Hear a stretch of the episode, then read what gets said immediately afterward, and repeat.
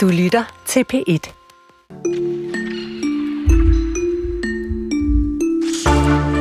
Vi kender vist alle sammen det der med, at livet det kan føles sådan lidt gråt, lidt trist, lidt tomt, lidt trivielt, at dagene går bag skrivebordet og aftenerne foran fjerneren. Og det var måske også den følelse, der fik den tidligere kok og nu førtidspensionist Ulrik Larsen til at kaste ud et ret dramatisk dobbeltliv. Han brugte nemlig over 10 år på at infiltrere både den dansk-koreanske venskabsforening og den internationale nordkoreanske venskabsforening i forsøget på at afsløre nordkoreanske ulovligheder. Og for tre år siden, så kunne vi alle sammen så enten gå i biografen eller tænde for tv'et og se den ekstremt vilde og overraskende dokumentarfilm Muldvarpen Undercover i Nordkorea, hvor Mads Brygger dokumenterede Ulrik Larsens farlige projekt her. For farligt, det var det. Og siden da har Ulrik Larsens liv også forandret sig markant. Hvor markant og hvordan, det kan du høre sådan cirka klokken ja, 14.30, når vi får Muldvarpen på besøg her i studiet. Men vi ligger også vejen forbi Odder Kommune, hvor både Odder Bibliotek og Odder Museum er blevet ramt af oversvømmelser, efter en kraftig regn fik et dige ved Odder Å til at bryde sammen. Og så har Britney Spears udgivet en selvbiografi, og den har fået forbløffende fine anmeldelser. Du lytter til Kulturen, og i studiet er Jesper Dein og Chris Pedersen. Vi skal først til møde, forfatterforeningsmøde. Der var nemlig fyldt til bristepunktet med forfattere, selvfølgelig, da Dansk Forfatterforening i mandags inviterede til stormøde. Omkring 150 forfattere mødte op til det her møde, hvor streamingtjenesternes rolle på det danske bogmarked stod allerøverst på aftenens dagsorden. Og Lone Tejls, du er med til mødet i mandags. Velkommen. Skal du have? Vi nævnte det selv, men vil du ikke lige forklare, hvor meget fyldte samtalen om streamingtjenesternes rolle på det danske bogmarked her til mødet? Jamen, det var jo selve anledningen til, at vi havde det her møde. Det var simpelthen, fordi vi øh, jo alle sammen synes, at øh, der er et eller andet helt galt i øjeblikket med den form for aflønning, der sker for fatterne, og vi kan simpelthen ikke få det til at hænge sammen mere. Prøv lige at, øh, at forklare, Lone, hvad, hvor stort et problem er det? Hvad er det for et problem, øh, forfatterne står med over for det her bogstreaming-marked? Jamen altså man kan sige, at det der er sket over de senere år, det er jo, at øh, især lydbøger er boomet enormt meget. Øh, mere end man nogensinde havde forestillet sig, at det ville måske. Og det er sådan en situation, der er sådan ret unik for Skandinavien. Øh, men det betyder jo for os forfattere, at øh, når folk streamer, så får vi en utrolig lav øh, betaling øh, sammenlignet med, hvis man sælger en, en papirbog. Og, og nu taler jeg så gennemsnitligt, fordi vi er jo alle sammen øh, nogen, der har en individuel øh, aftale med vores forlag, og forlagene har altså individuelle aftaler med de her streamingtjenester. Så sådan helt gennemsnitligt, øh, så ligger en betaling på en lydbog som nogenlunde på 2-3 kroner. Øh, og så kan man spørge sig selv om, hvad kan man ellers få for 2-3 kroner? Ja, man kan få øh, to slurke af en kop kaffe fra Starbucks, eller se tre øh, minutter biograffilm, ikke? Du kan også få, jeg tror, det er en slikkepind, der koster 3 kroner nu ja. nede i kiosken. Men man må lige spørge, hvor meget tjener man på en bog? Altså, hvad, hvad er forholdet mellem indtjening på bog og så streaming? Jamen altså, det er øh, også igen meget forskelligt fra forfatter til forfatter, og jeg, altså, jeg er sådan en, øh, jeg laver jo også historier direkte til streaming, så der får jeg sådan set en okay betaling, men hvis vi ser på gennemsnittet, så, øh, så er det en, en brøkdel Ja, en brøkdel, men det er altså, bare så vi er helt sikre. Det, det er ligesom musikerne, der får øh, 0,00, jeg kan ikke huske, hvor meget var det, vi regnede ud, det var ingenting, for 0,0025 cents for at blive afspillet en gang på Spotify. Og det er altså 2-3 kroner, siger du, hvis jeg øh, downloader en bog og lytter ja. på den. Det er noget den stil. Øh, altså man kan sige, at vi er jo ikke helt i en situation, hvor det er Spotify-priser endnu, men Spotify har jo bebudt, at de vil til at have lydbøger. Øh, og man kan sige, det som der jo skete i musikbranchen, det var kæmpe chok. Øh, mange gik ned i indtjening, øh, og der er jo en del musikere, der så har kunne kompensere for det ved at tage ud på koncertturnéer og så videre og sælge merchandise. Og der kan man bare sige, øh, øh, så velbetalt er forfatterforedrag ja. øh, jo ikke. Nej. Så I griber fat i det nu, før vi ender der med 0,00025 øre. Hvad, hvad skal der så, Lone Tejls, efter din mening sættes ind for at imødekomme øh, det her og, og, og dæmme op for det? Jamen altså, man kan sige, at der er mange ting, vi kan gøre lige nu. Altså først og fremmest, så er det ret uoverskueligt for mange forfattere, hvordan man egentlig bliver afregnet. Øh, og, og de her aftaler er ret uigennemskuelige. Så der kan man sådan prøve at forsøge at få klarhed over, hvad, hvad det egentlig er, der man bliver betalt for, fordi der er forskellige takster på forfattere. Der er også forskellige øh, takster nogle gange i de tre første måneder og efterfølgende osv. Så det handler om at prøve at skaffe sig et overblik. Øh, og når det er gjort, øh, så må man jo både tale med forlagene, øh, som er jo dem, der forhandler direkte med streamingtjenesterne, og måske også spørge streamingtjenesterne, om de egentlig synes, at det her det er en holdbar forretningsmodel.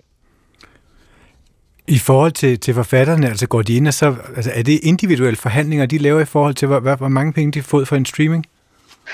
Altså det er det jo typisk, øh, men, men, men igen, altså det er meget, meget svært at sige noget generelt om, hvordan det fungerer. Øh, fordi der er så mange forskellige aftaler, nærmest lige så mange forskellige aftaler, som der er forfattere. Mm.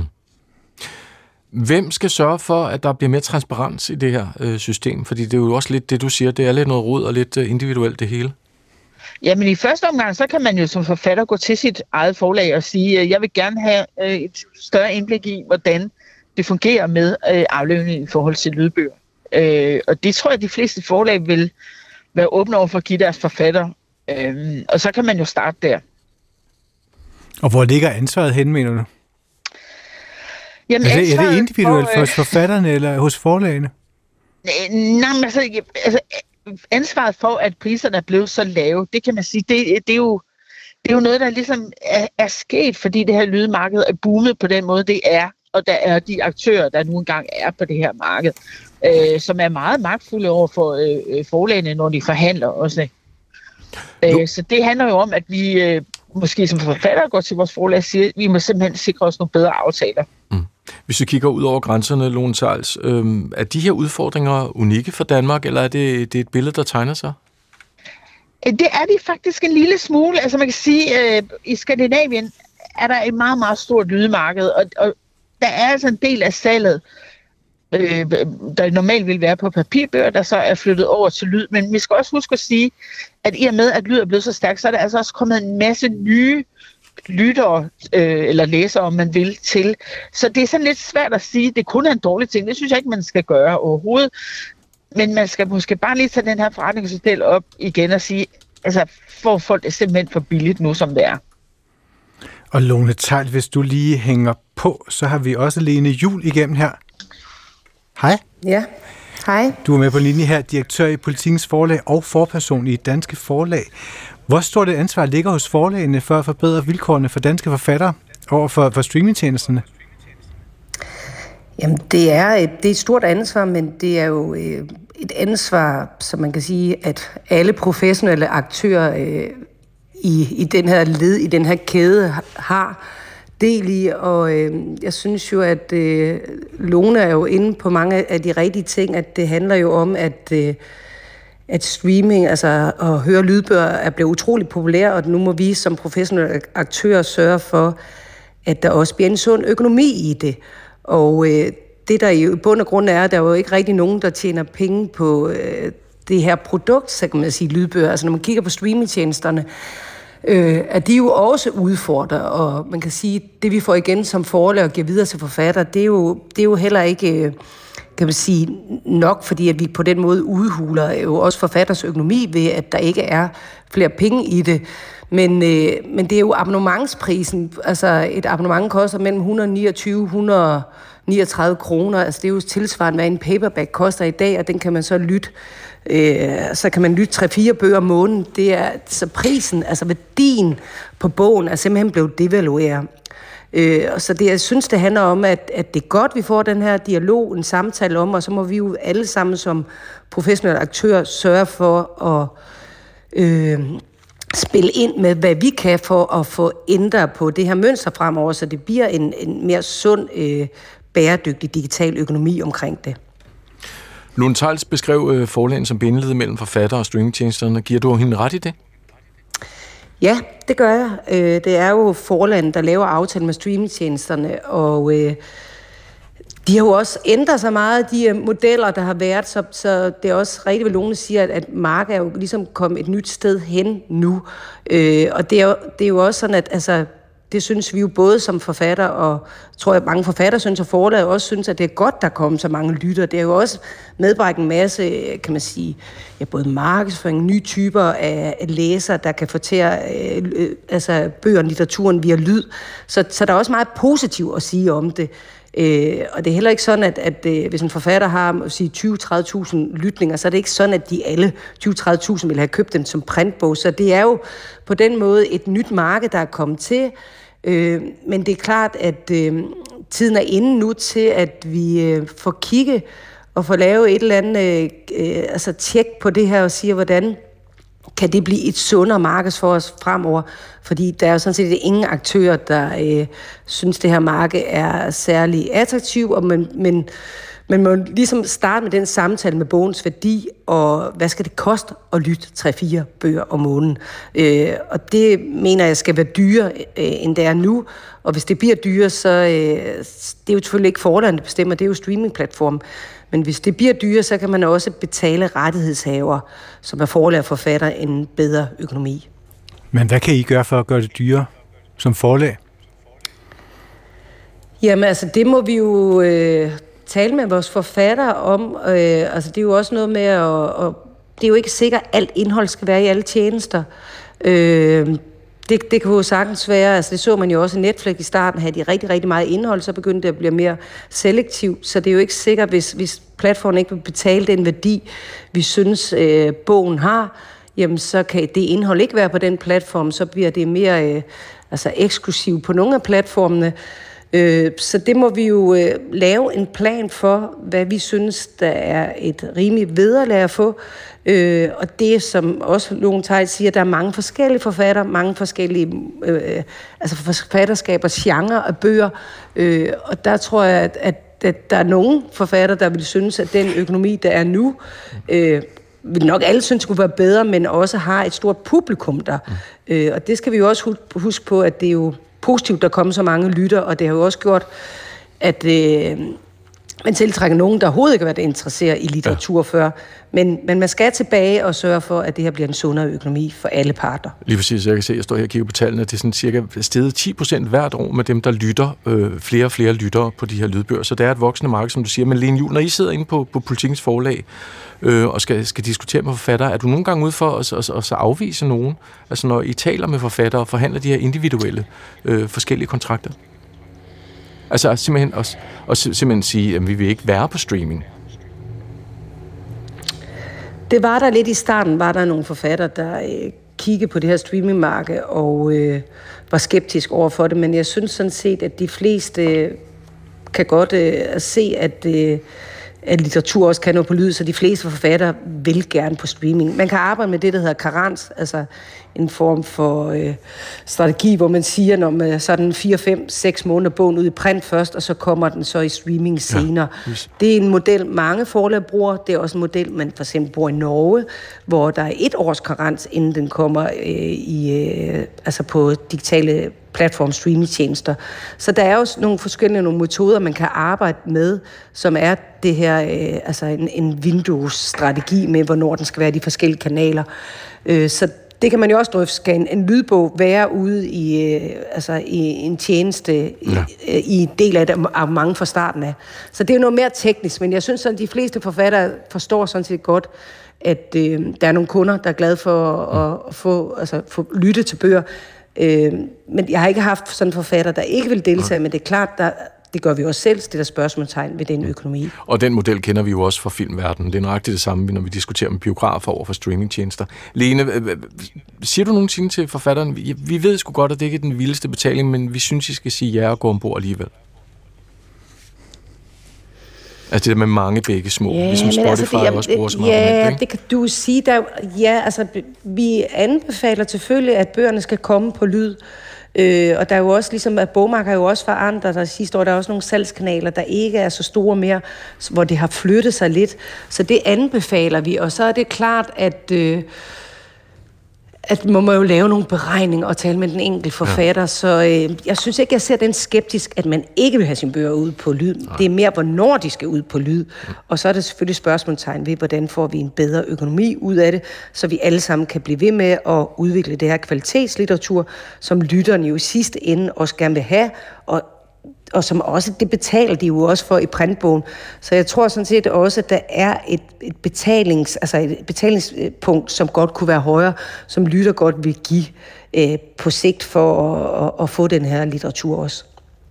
Så det er selvfølgelig også forskel på, om det er, om det er Jesper Dein, mit liv i Glostrup, eller om det er Jussi Adler Olsen, afdeling Q, vi taler om her i forhold til downloads.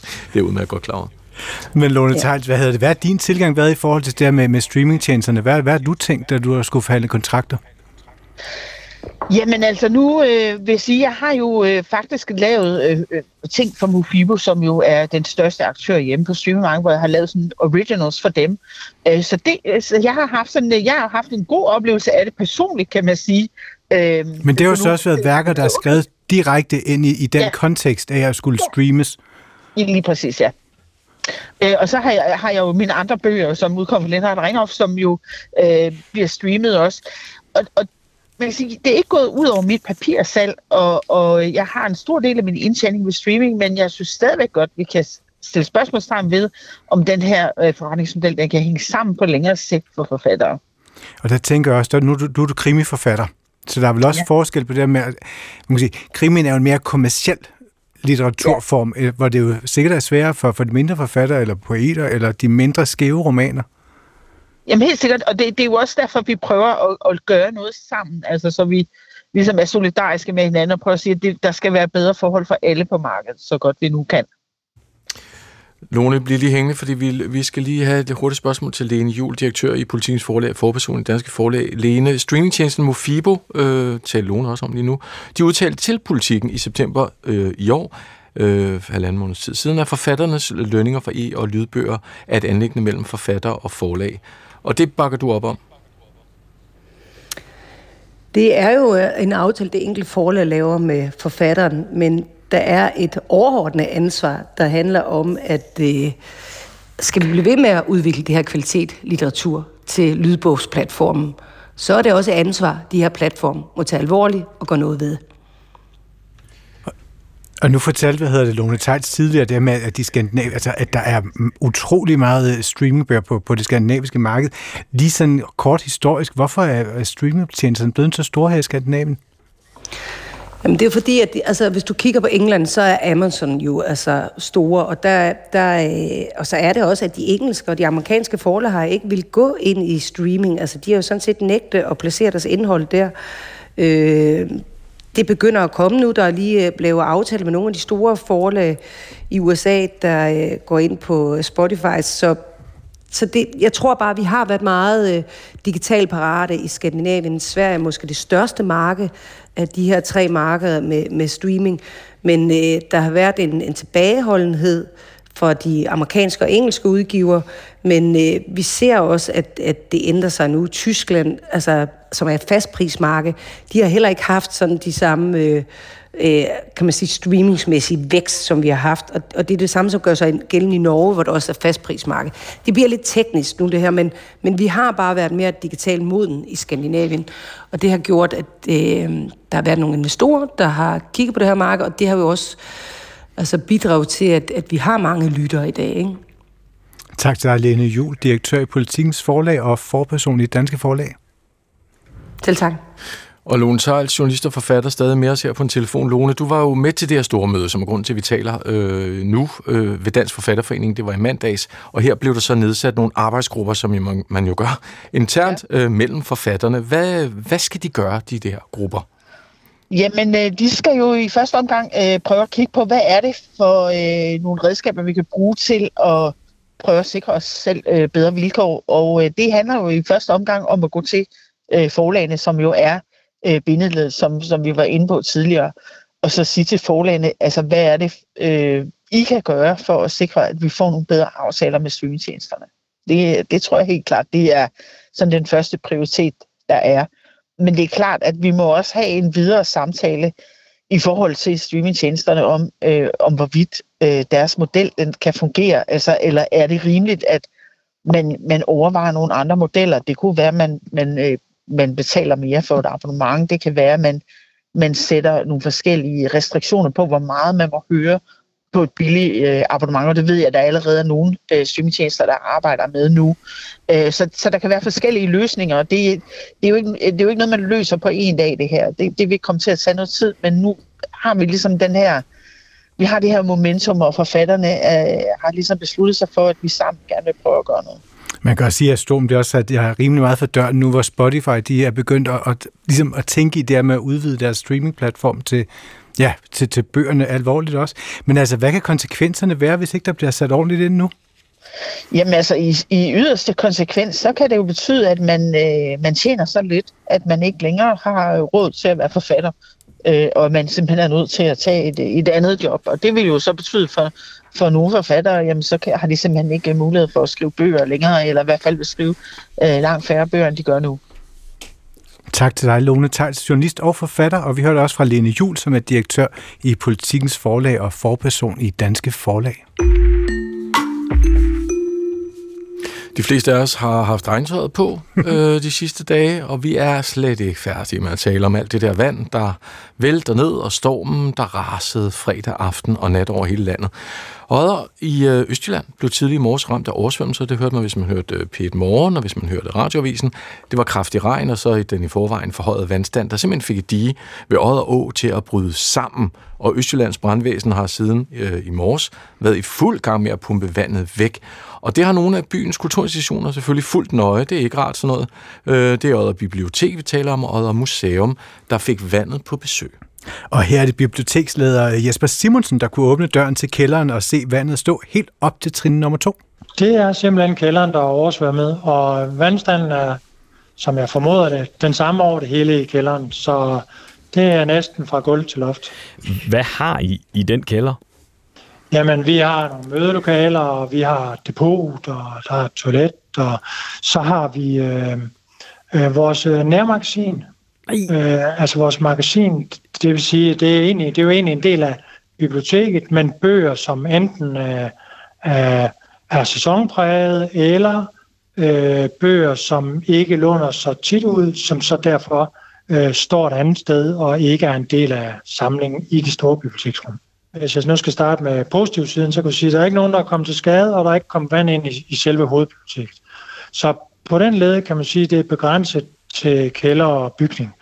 Øh, det, det går ud over dernede, det er jo selvfølgelig, altså det er jo, det er jo rigtig ærgerligt med, med magasinet, og det er min vurdering, at altså det, der er ikke, det bliver marginalt, hvad der bliver til at stå til at redde dernede. Øh, de første skridt, det er jo selvfølgelig at få tømt kælderen, og øh, så skal jeg jo have nogle altså skadeservice, øh, skal jeg besøge af på et tidspunkt af, og jeg skal finde ud af, hvad, hvad er det egentlig, vi taler om og sådan noget. Og det her, noget af det, det er jo det, er jo det der er det værste. Det er, det er jo, alt er jo ikke øh, blot øh, et spørgsmål om økonomi, og, og nu har jeg så ikke engang forholdt mig til, hvordan forsikringsforhold er og sådan noget, men det, der er jo måske også nogle bøger om lokalhistorie fra 1947 og sådan noget. Altså det, det ja, det, det er sådan noget, det der er ærgerligt. Det synes jeg da, altså. Og det er altså ikke kun biblioteksleder Jesper Simonsen, der rystede på hånden. Også på Odd Museum har der været nervøsitet, siden de det brød sammen. Det gik heldigvis ikke så galt, men det gamle hus, der rummer det lokalhistoriske arkiv, det fik vand om fødderne, og vores kollega på 4 Østjylland, Mia Tyborg, hun var der tidligere i dag. Odder Museum har altså også mærket, at vandet øh, i åen er gået over sine bredder her i nat og, og til morgen. Og museet er jo inddelt i forskellige bygninger, og i, øh, i den bygning, jeg står i nu, det er bindingsværksbygningen, og det er lige præcis her, hvor lokalarkivet holder hjemme. Øh, og der er en masse mapper med dokumenter i, og en masse gamle bøger, som helst gerne skal bevares. Øh, og de kan jo ikke tåle alt for meget vand, kan jeg næsten regne ud. Men der har altså stået lidt vand herinde. Det kan man se på gulvet. Nu er vandet så småt kommet ud igen, men der er fugtigt her. Øhm, Claus Markmann Jensen, du er afdelingsleder for Odder Museum. Du mødte ind her i morges klokken 7, og hvad var det for et syn, der mødte dig? Ja, der, var, der fik jeg vand i støvlerne, da jeg kiggede over til bygningen her. Der var vand over det hele omkring den, og, øh, men det var allerede faldet en del, så der var faktisk ikke vand herinde i huset, men, øh, men møgbeskidt og vådt. Hvad tænkte du så, da, da du så det? Jamen, jeg tænkte, åh nej, ikke igen. Øh, vi har jo prøvet det før for en fem år siden, hvor vi sidst havde en rigtig alvorlig oversvømmelse. Ja, og det er jo lige her bag ved øh, bindingsværksbygningen, som vi står i nu, der ligger, øh, der snor åen sig. Hvad betyder det for det her hus, når der kommer, øh, når der kommer vand ind? Ja, men det har huset jo ikke godt af. Altså, så bliver murværket og, og, og træværket, fodrem og noget af bindingsværket, det, det bliver jo gennemvådt, øh, og det kommer til at tage lang tid at få det tørret op. Ligesom gulvet bliver, bliver vådt selvfølgelig. Så nu skal vi have det tørret op, og så skal vi have det gjort rent. Og så øh, håber jeg ikke, det betyder noget for bygningen, fordi at den, den kan jo ånde og afgive fugt. Den har prøvet det før, men, øh, men den har ikke godt af det, og vi er selvfølgelig bekymrede for den. Det er en fredet bygning, det her. Ja, det er jo lokalarkivet, der er herinde. Hvad med alle jeres, øh, alle jeres dokumenter, der ligger her? Er der noget, der har taget skade? Det er der faktisk ikke, og nu det er godt nok lokal historisk arkiv det her, men, øh, men vores øh, egentlige arkivalier, altså de originale dokumenter, de ligger et andet sted. Det, der står herover, det er skriftligt materiale, så det, det er faktisk noget, der kan fås igen. Det er ikke så alvorligt, så jeg er faktisk ikke så bekymret for den del af det. Og det sagde altså afdelingslederen for Odder Museum, Claus Markmann til Jensen til lyden af flere affundningsmaskiner affugtningsmaskiner. Hold kæft, nogen har jeg også haft stående i kælderen. Det er redselsfuldt. Nu skal vi til noget, der ikke er redselsfuldt. Det er jo redselsvækkende, og det er også utrolig uhyggeligt faktisk.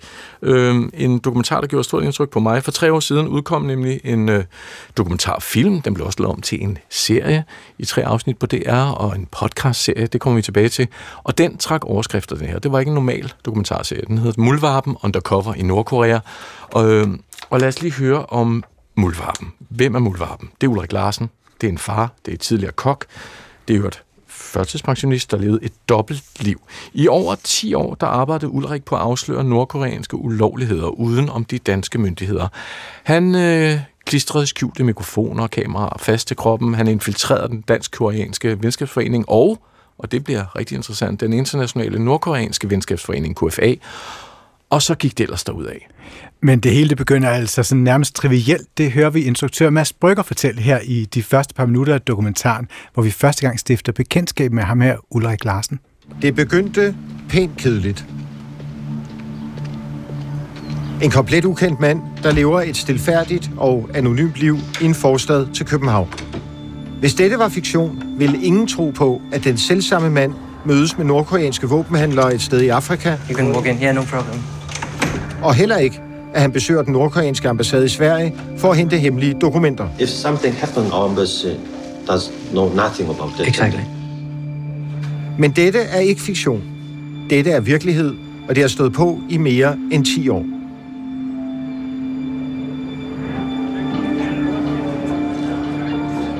Her er han som barn i sted i Danmark.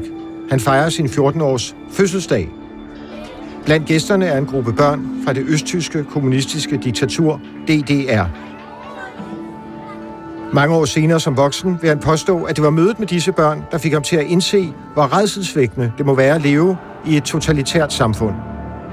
Og af den grund besluttede han sig for at infiltrere og afsløre et af verdens mest brutale diktaturer, Nordkorea.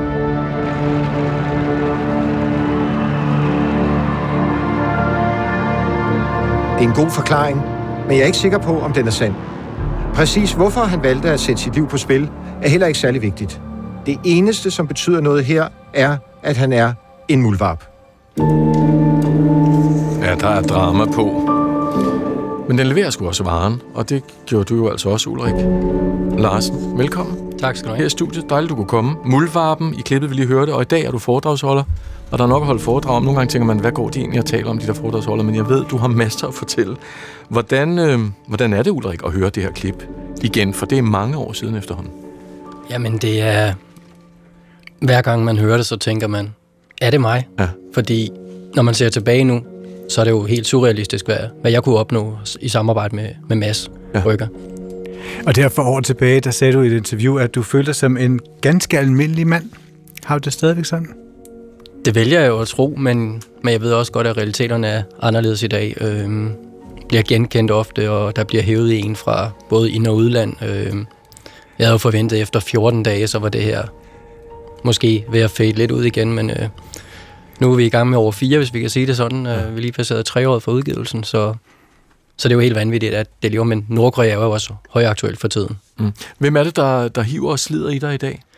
Jamen, det har I gjort i dag. Ja. øhm, Jamen, øh, jeg har lige været i, øh, i Sydkorea til en filmfestival, øh, for utrolig mange forespørgseler om deltagelse i podcast, og har lavet tv med Tyskland, med tysk tv, og jeg har lavet med spansk tv, og ja, det, der er stor interesse. Mads Brygger siger i indledningen af dokumentaren, at det ikke betyder så meget, hvad dit motiv var. Er du enig i det? For Mads' side kan jeg jo godt se det. Øhm, nu, dem, som kender Mads, ved jo, at Mads han, øh, han har en krøllet hjerne, sagt på, min på en positiv måde. Mm. Øh, har stor respekt for Mads Brygger. Øh, men, men for at summere det helt op, så øh, i min barndom, der oplevede jeg DDR på nærmeste hold. Og, øh, Hvordan? Jamen, øh, min far arbejdede på færgerne, der sejlede mellem Danmark og Tyskland. Og øh, nogle gange var jeg med til Puttgarten i vest, og andre gange var jeg så med på arbejde til øst, hvis jeg fik sådan en dag over. Og i Vesttyskland, der kunne man tale med grænsebetjenten og få en cola og, og så hygge sig. Kom til øh, Varne Mønte i Østtyskland, så var beskeden lidt en anden for brugvagten. Det var, du skal ikke gå derned, Ulrik, så bliver du henrettet, kidnappet eller det der værre.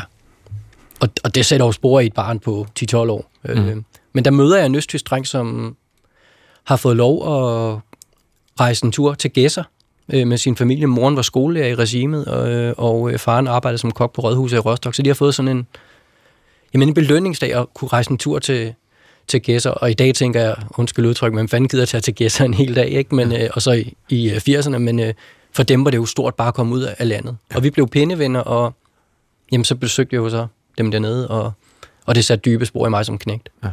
Og så ser du også, øh, der er grund til, at Mads Brygger er blandet ind der, det er jo også, fordi du ser, ligesom vi var mange, der gjorde, så det Røde Kapel, ikke? Med, med Simon Jul, mm. øh, Jørgensen, øh, komiker, øh, og øh, Jakob Nossel også, der tog, det, det var også en fuldstændig surrealistisk oplevelse. Hvad gjorde den dokumentar ved dig? Jamen, den fik jo mig til at danne et indtryk af, at øst og vest kontra nord og syd lande del på grund af krig, og, ja. og tænkte, det, det, det var meget interessant, og man kan sige, de fik jo en på opleveren. Og, og der var også noget på spil, ikke? Jo, det var det. Ja. Øh, men igen, som Mads også selv siger, der var ikke en rygende pistol. Nej. Og så tænkte jeg sgu, den finder jeg. Og så tog jeg til kontakt til Mads Brygger, og så kan man stå her og sige så 13 år efter i dag, at the rest is history. Ja. Ja. Men må jeg ikke lige spørge, en, en ganske almindelig mand, og vi ser os i indledningen, du var førtidspensionist, altså hvordan så dit liv ud på det her tidspunkt?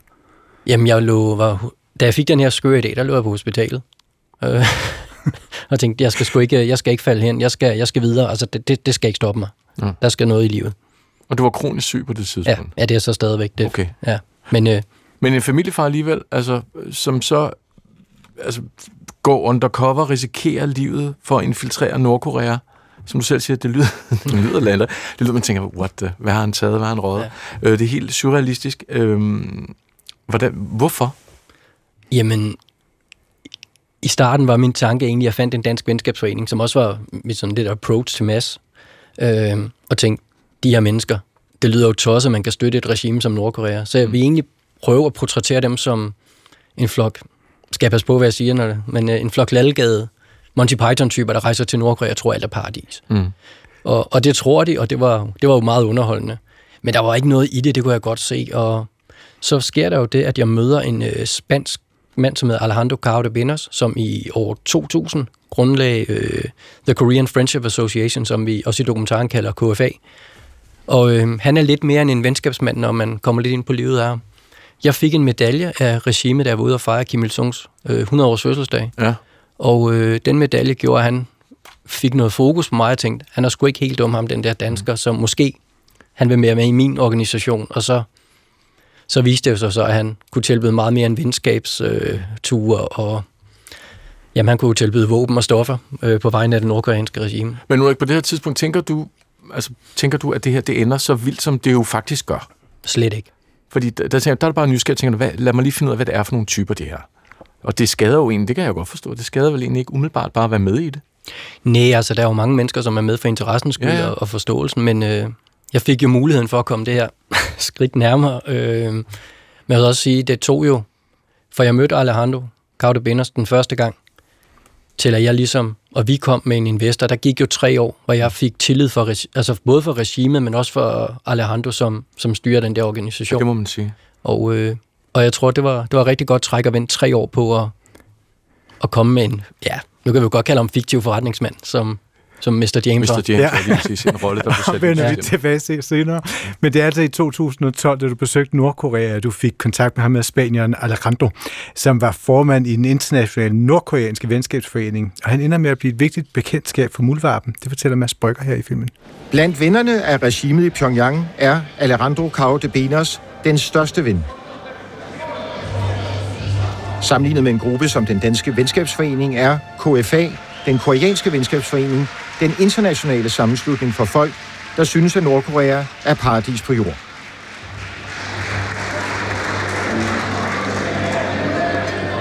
Alejandro Benos er grundlæggeren af den koreanske venskabsforening og er kendt jorden rundt som Nordkoreas ledvogter. Som sådan var Alejandro min adgangsbillet og turguide, da jeg selv rejste til Nordkorea tilbage i 2006. Her ses vi posere sammen til en nordkoreansk avis. Jo mere tid jeg tilbragte med ham, jo sværere var det at forstå, hvorfor Alejandro, som er født i Spanien og bor i Spanien, har valgt at leve et liv som hævekursleder for Nordkorea. Ifølge FN er Nordkorea et land, som dagligt sulter, misbruger og dræber sine egne borgere, men Alejandro Caudebenas insisterer på, at virkeligheden er det stik modsatte. Sådan siger han altså Mads Brygger i filmen.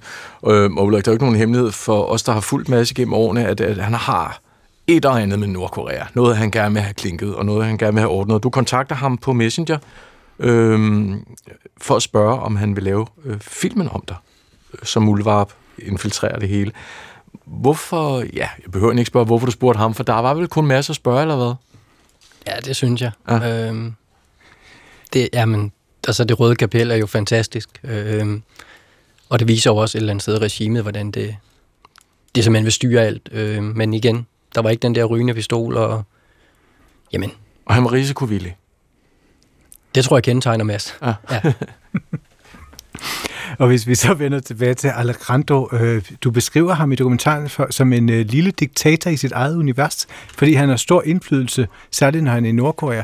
Men altså, hvordan er det, er du i kontakt med ham i dag? Det kan jeg ikke prale af. Det har, det har vist bare været lidt mudderkastning i, i de internationale medier. Øhm, Alejandro har jo, efter dokumentaren kom ud, øh, eller efter, man skal sige, han blev afsløret i det, han havde gang i, har han jo sagt, at jeg var, jeg var den kriminelle, og han har fra starten spottet mig som kriminel, og han ville afsløre mig på et senere forløb, men jeg kom så før ham og, og prøvede at rense den den vej. Mm. Øh, men altså, kort sagt, manden er narcissist og psykopat, det, det er der ingen tvivl om. Mm. Og det har jeg også sagt offentligt på flere medier, så jeg tror ikke, vi kommer til at tale sammen. Mm. Og i arbejdet som Ulvarp, der steg du i graderne. Det var jo ligesom en del af dealen. Det blev vildere og vildere. Øh, du overbeviste øh, blandt andet Alejandro Caudebianes om, at øh, du var til at stole på. Hvordan, altså, hvad er dit eget bud på, hvordan det lykkedes? Fordi det er ikke nogen hemmelighed, at der, det, var, det var flere gange ved at gå fuldstændig galt. Jamen, jeg tror, altså min rolige person kontra det, at jeg ikke har presset på, eller vi har presset på, at de er kommet til os. Og det med, at der, han vil have en investor, at der går tre år, før der egentlig kommer en, hvor jeg så bare deltager i de arrangementer, der er, det har jo bygget, hvad skal man sige, øh, det har bygget tilliden op. Mm. Men der var selvfølgelig et par episoder, hvor jeg godt havde været uden, men heldigvis, så kom jeg ud med ja, skinnet på næsen, hvis vi kan bruge det udtryk. Mm. Vi vender tilbage til om øh, til historien lige om lidt igen. Jeg godt tænke mig lige at vandre tilbage til de her forventninger. Hvilke forventninger havde du dengang? Familiefar, syg, kronisk syg. Hvad projektet kommer, ville komme til at betyde for det liv? Kort sagt ingenting, for jeg, jeg troede sgu ikke rigtigt på, at det kunne blive til noget interessant. Øh, men den måde, det blev bygget op på, altså det er jo som at tage en snibbold, der ligger på toppen af et bjerg, og så lader den trille ned og bliver større og større, og tingene bliver vildere og vildere. Øh, så det er ikke fordi, altså man har været for, jeg har været godt forberedt på de ting, jeg har været ude i, så godt man nu kan. Øh, og jeg tror, noget af det vigtigste, jeg ligesom har været på, det er, at jeg har forventet det værste hver mm. gang. Og jeg ved godt, var vi blevet afsløret i Nordkorea, så er vi jo ikke stået her i dag, nogen af os. Øh, Nej. Nej. Og, øh, men der tror jeg, den, den tillid, jeg havde kontra det, at de var så øh, fokuseret på at få midler til regimet og få skabt de her handler, som vi forhandlede med dem om, det gjorde, at, at vi fik rigtig lang snor. Jeg havde en tillid, der, der voksede og voksede. Mm. Nu beskriver du dig selv som en snibbold, der begynder at rulle, rulle, rulle, rulle. Altså, var du rolig under hele den? under hele det rull? Mm. Ikke da jeg skulle fortælle sandheden til min hustru, men ellers jo. var det det sværeste? det var nok noget af det sværeste, ja. Hvad var, ellers, hvad var det sværeste i forhold til at virke troværdig i forhold til, til hele det her projekt? Jamen, øh, jeg var så øh, heldig at komme til USA og, og være en uge sammen med en tidligere serieagent, som i dokumentaren hedder Max. Og øh, uden jeg vidste det der, der havde jeg faktisk gjort det, som en trænet agent gør. Det er, at du giver reelt 95% af dig selv, fordi løgne er, er, er selvfølgelig det værste at, at blive fanget i. Og det her med at sige, jamen jeg har, jeg har to børn, øh, det, det er min hverdag. Og hvis jeg havde benægtet, at jeg havde børn i det her, øh, så kunne jeg sidde en uge i Dublin, og der var en telefon, der ringede, og han ville sige, jamen det var min datter, der vi fortæller, hun var glad for den cykel, hun har fået. Mm. Hvor jeg så kunne sidde og sige, jamen jeg har ikke nogen børn, fordi jeg skulle beskytte mig, mig selv og min familie. Og så kunne jeg måske sidde seks måneder senere i Spanien, og så ringer min telefon en af mine børn og vil sige godnat. Og så vil de spørge, hvem var det? Om det var min datter. Og allerede der, så vil jeg, hvis jeg ikke nåede at tænke mig om, eller hvis den person var i nærheden, så havde jeg jo ligesom, hvad skal man sige, afsløret mig selv. Og jeg vil sige, altså, for ikke at have nogen børn til et barn, der ringer ind for seks måneder på telefonen, det, det er måske urealistisk i dag. Ja. Kunne du den det balance, kunne du den instinktivt? Ja. Du vidste godt, hvilke 5% som du skulle holde tilbage? Ja, det var de 5%, der ligesom netværket og snæret og, og kom dybere og dybere på folk på en utrolig troværdig måde, åbenbart. Nu står du her, venlige mand, øh, tidligere kok og alt det her. Har du, har du nogensinde dårlig samvittighed, fordi vi, sådan vandrer vi rundt i verden, over at, at snyde så mange mennesker så markant, som det skal her? Nej. Øh, Målet, midlet, alt det der? Nej, jeg tror bare, at når man først har set Nordkorea, og set de steder, vi har været, i Afrika, hvor, hvor man vil lave handler det, og Jordan, jamen så får man et andet syn på de mennesker, man er sammen med. Jeg vil sige, der er en person, som jeg en dansker, som medlem af den danske venskabsforening, som havde et godt forhold til, ikke på venskabsplanen, men, men han er heller ikke øh, fuldbyrdet kommunist. Jeg tror, han kom der for hyggen og historierne og sådan noget. Øh, ham kan jeg godt have sådan lidt dårlig samvittighed overfor, fordi vi havde mange gode snakker, men ellers nej. Mm. Altså den danske formand, øh, Anders Christensen, som i dag er æresformand i sin egen forening. Øh, jeg håber en eller anden dag, inden han går bort, han slår øjnene op og ser realiteterne i Nordkorea. Mm. Du har et yndlingsklip, der er sikkert en del øh, for dokumentarserien. Det er et, et, vi har fundet frem her. Det er Mads Brygger, øh, der kalder det for det endelige maskefald, hvor du skal fortælle Alejandro Caudebeños, hvem du egentlig er. Lad os lige lytte på det, og så tale om det. Hello? Hello, Alejandro. I can't see you. Oh, start video. Okay. Hello? How are you? Yes, fine. And you? Well, I'm fine. So that's nice. Alejandro, before we get started, um, I have a few things I want to tell you. Yes. Um, first of all, why I've been so interested in North Korea, and also to find out the truth about you. Um, all our meetings together has actually been filmed, and I've been acting like a mole because I'm making a film with you. And I would really much like you to meet the instructor who's been helping me through this movie. So I hope you will answer his questions. So please meet him here. Hello, Orlando. Yeah. Yes, hello. We meet again. Yeah. We are recording this conversation, and I should inform you that uh, uh, everything is on tape, and we basically know everything. So this is uh, the end of a very long story. Alando, are you there? Jeg gad så godt, at I havde sat EKG på ham. Man kunne se hans hjerterytme, når han ser Mads i særdeleshed her. Hold da kæft. Hvad, hvad sker der i dig, da du sidder her ved siden af Mads og ser det her tæppefald? Jamen det, der sker, det er, det er først langt henne i projektet, at jeg finder ud af, at Alejandro og Mads havde en fælles fortid. Øhm, Ja, det, det, ja, det er rigtigt. Ja, jeg troede, det havde øh, Alejandro havde til Mads Brygger, det var på baggrund af det røde kapel. Mm. Men det viser sig så, at de har rejst sammen i Nordkorea. Så det øjeblik, han ser Masses fjes, så ved han, at det her det er ikke bare dig, der sidder Nej, og, og, mit, og jeg vidste jo godt, at når jeg åbnede munden og fortalte det, så enten så vil han bare fuldstændig tro, jeg tog ja. pis på ham, ja. eller også så vil han øh, tænke, okay. Men Mads, det, det, det, det stempel, der ligesom... Men, men for mig... Så Mads havde også holdt 5% tilbage. Jeg tror. så jeg valgte øh, ind i mit hoved at sige, det vigtigste nu er, at Mads når at komme over og sidde ved siden af mig. Fordi så sidder den mand, som Alejandro måske stoler allermest på i forhold til Nordkorea og Vesterlænding, mig, ved siden af den journalist, han måske havde allermest i verden. Mm. Og det lykkedes, og der gik jo ikke 20 sekunder, for Mads trådte frem til Alejandro. Men, men jeg vil sige, en time før var jeg ikke nervøs. Og så kommer Mads op, og så siger han, Ulrik, nu skal du huske, og vi skal... Altså, og så faldt alt fra mig. Ja. Lige til det øjeblik, jeg så satte mig ned og ringede op til ham, så, så var jeg bare fuldstændig tilbage i det her, vi kan bruge muldvarperollen. Ja. Øhm, Ja, og så har jeg jo ikke talt mere om siden. Og det er sjovt, fordi det er, der siger du også til, til kameraet, at, at du er nervøs. Ja. Du har siddet på panden, og det eneste andet sted nærmest, det er jo, der er du ellers cool. Det er der, hvor det er, at, at uh, Kaude Benjos er ved at finde uh, optageudstyr på din krop, der han render rundt og scanner. Men det var, fordi jeg ville bare have, at mig, Mads og mig sad ja. sammen. Det var for mig det vigtigste. Når du kigger tilbage på de her reaktioner, du har fået, hvad har, hvad har så primært været øh, reaktionerne? Altså, altså jeg har jo næsten kun fået positiv respons på det, og der er også mange, der har spurgt, hvordan kunne jeg gøre det, og hvad med min sikkerhed, og min families sikkerhed. Øh, er jeg til at stole på? Øh, det er jeg tydeligvis mm. nogle steder.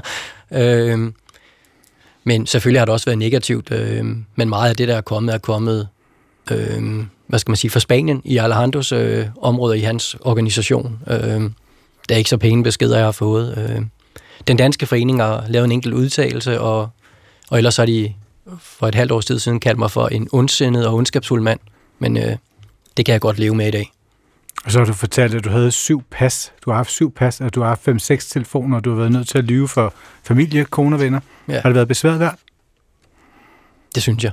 Vi har jo fået afsløret noget, som, som CIA har prøvet på i 20 år. Øh, og uanfægtet hvad, så vil jeg mene, at CIA har lidt flere midler, end vi havde at gøre godt med under øh, produktionen. Tak til dig, Ulrik Larsen, Muldvarpen, og i dag foredragsholder. Og der er jo en bog på vej om dit liv som mand og far og arbejde som muldvarp, men den må man vente på at, at læse. Ja, ja, men så vil jeg lige indskyde her, at på DR.dk, der ligger der faktisk en glimrende podcast-serie, man kan gå og lytte på, mens man støvsuger og laver alle mulige almindelige dødssyge familiefar-ting, og så kan man drømme sig til at være i Ulriks krop og have mod til det der. Tak fordi du kom, Ulrik. Velbekomme. Ja, direkte fra muldvarpen til Britney Spears. I går der udkom Britney Spears' der popikons længe ventede selvbiografi The Woman in Me på dansk, min egen stemme. Britney, hun er nok mest kendt for dansegulvsbaskere som Toxic og gennembrudshittet Baby One More Time, men den ekstremt kraftfulde biografi har en mere bittersød smag, som også har været til stede i hendes musik. Hey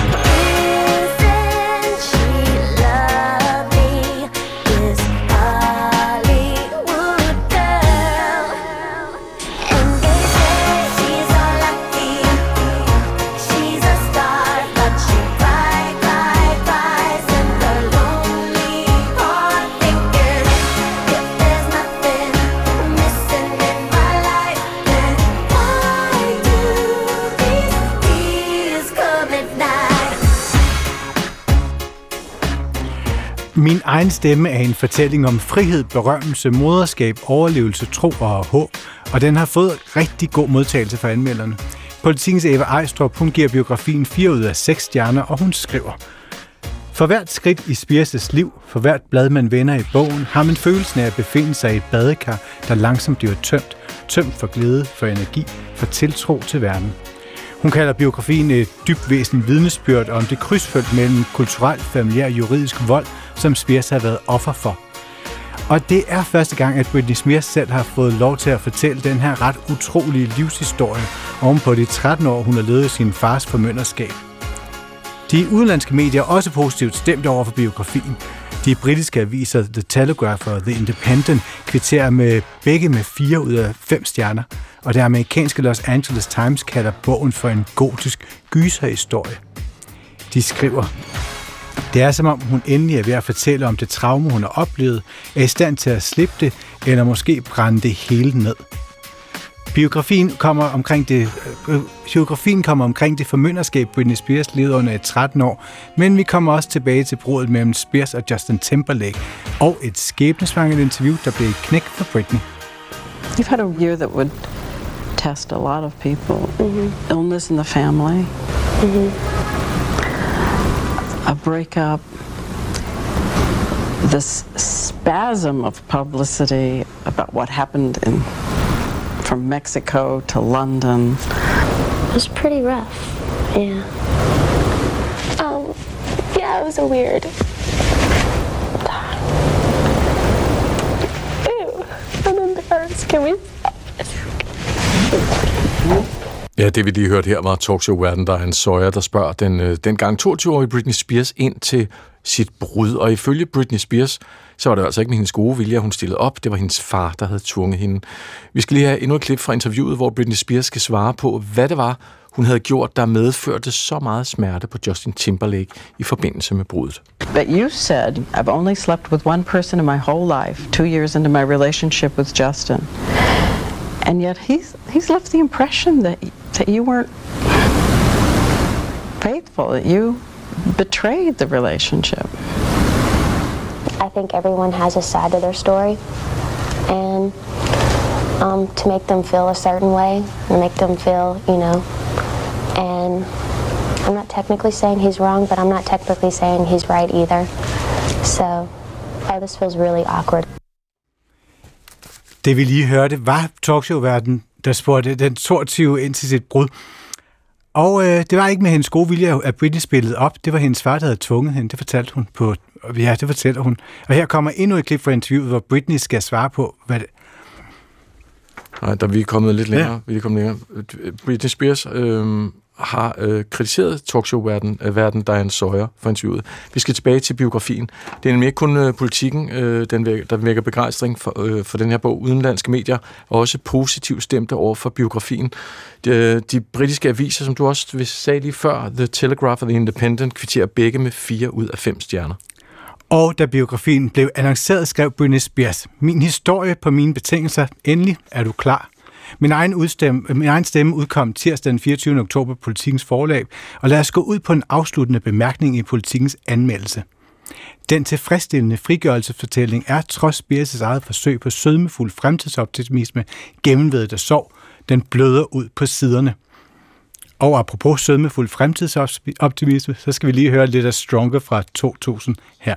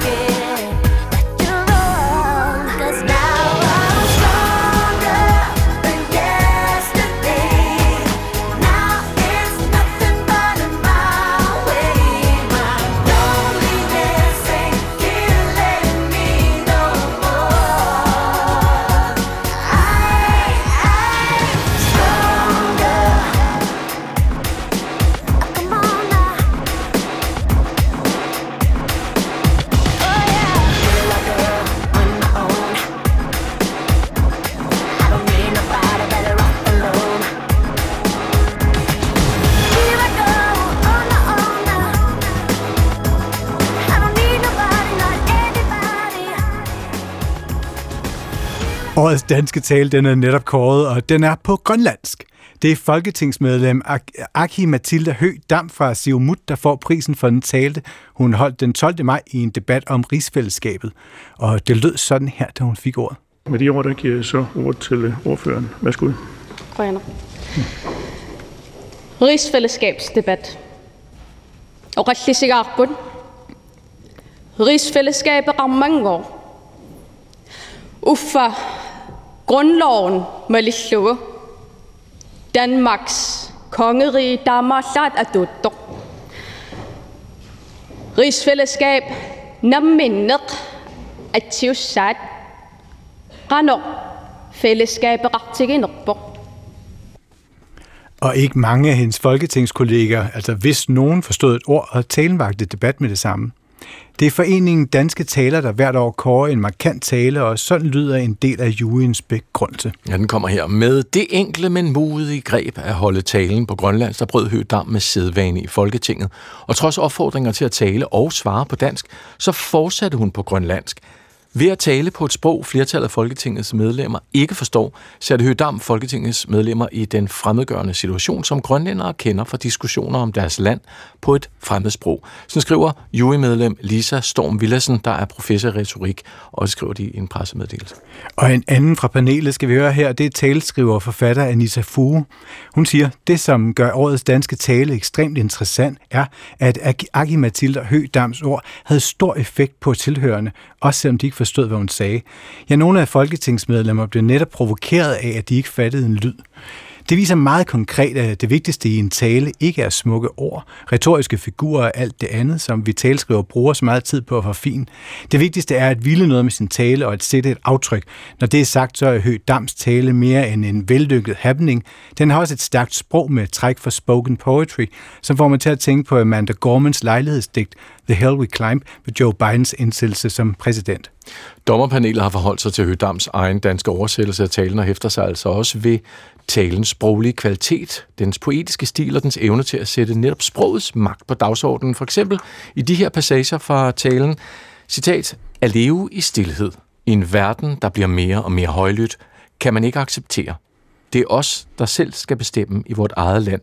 Vi begynder at indse magten af vores sprog, og hvor meget hver vores kommende ord har, og hvor meget vores sprog kan ændre det, der sker. Talen fik den konkrete virkning, at øh, Folketingets præsidium få måneder senere vedtog ændringer i Folketingets praksis, så medlemmer valgt i Grønland og på Færøerne blandt andet har fået bedre mulighed for at tale grønlandsk og færøsk i Folketingssalen. I år uddeles prisen den 7. november under taleskriverkonferencen Logograf. Lad os lige nappe slutningen på talen. Politikkikkut atuttoq naalagaafik galaallinit galaallinut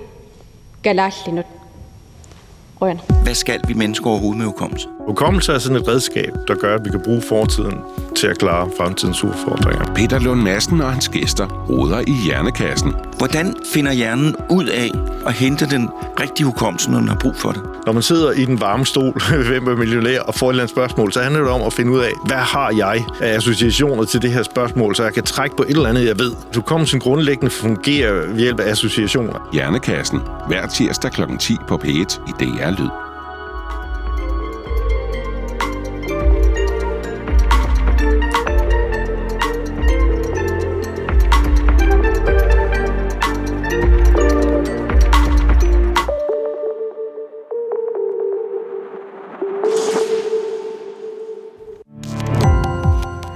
Gå på opdagelse i alle DR's podcast og radioprogrammer. I appen DR Lyd.